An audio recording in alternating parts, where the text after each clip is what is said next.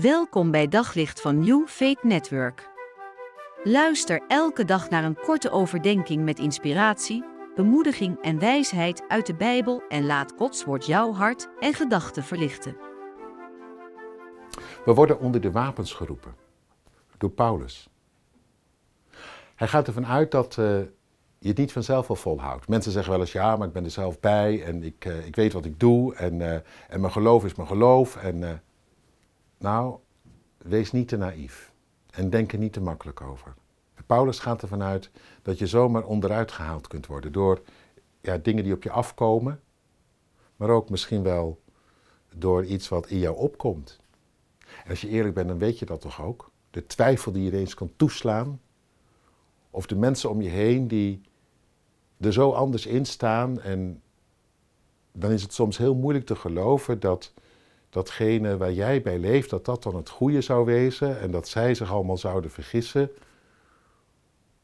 Nou ja, ik denk dat als je gewoon midden in het leven staat, dat je het ervaart, dat je van alle kanten soms wordt belaagd. Van binnenuit, van buitenaf. Tenminste, belaagd in de zin dat je geloof zomaar kan worden aangevallen. Onderuit kan worden gehaald. Vandaar onder de wapens, maar dan wel de wapenrusting van God. Dus niet ja, op je eigen manier denken van ik red het wel met een dingetje hier en een dingetje daar. Nee, denk er eens goed over na. De wapenrusting. Wat betekent dat? De wapenrusting van God. Alleen wie goed gewapend is, kan stand houden. Zo staat hier. En uh, het mooie is dat die wapenrusting dat die verbonden is met iemand die intussen de overwinning heeft behaald. Dat is mooi. We hoeven niet te overwinnen. We leven van die overwinning die Hij ook in ons leven heeft behaald, Christus. En Hij is degene die door zijn geest ons nabij is. Maar voor ons komt het er dan op aan om wel op de goede manier erin te gaan staan. Die wapenrusting aan te doen, zodat Hij die overwinning die Hij heeft behaald kan doorzetten. En wij niet kwijtraken, verliezen wat ons gegeven is.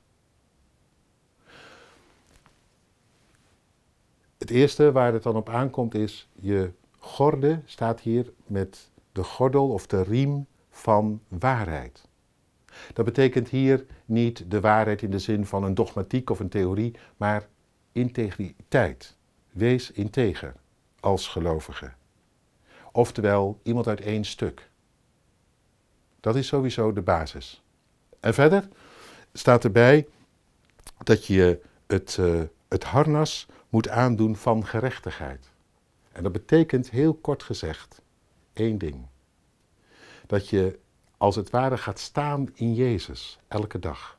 Dat je bedenkt wat er met jou is gebeurd. Met Jezus mee de dood in, met Hem opgestaan. Zo sta je voor God.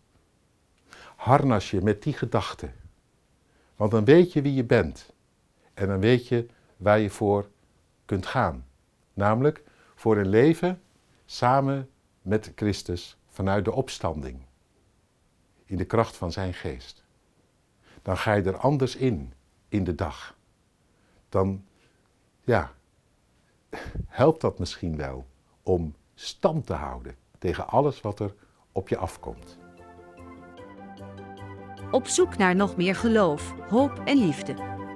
Op New Network vind je honderden christelijke films, series en programma's. Nog geen lid? Probeer het 14 dagen gratis op newfaithnetwork.nl.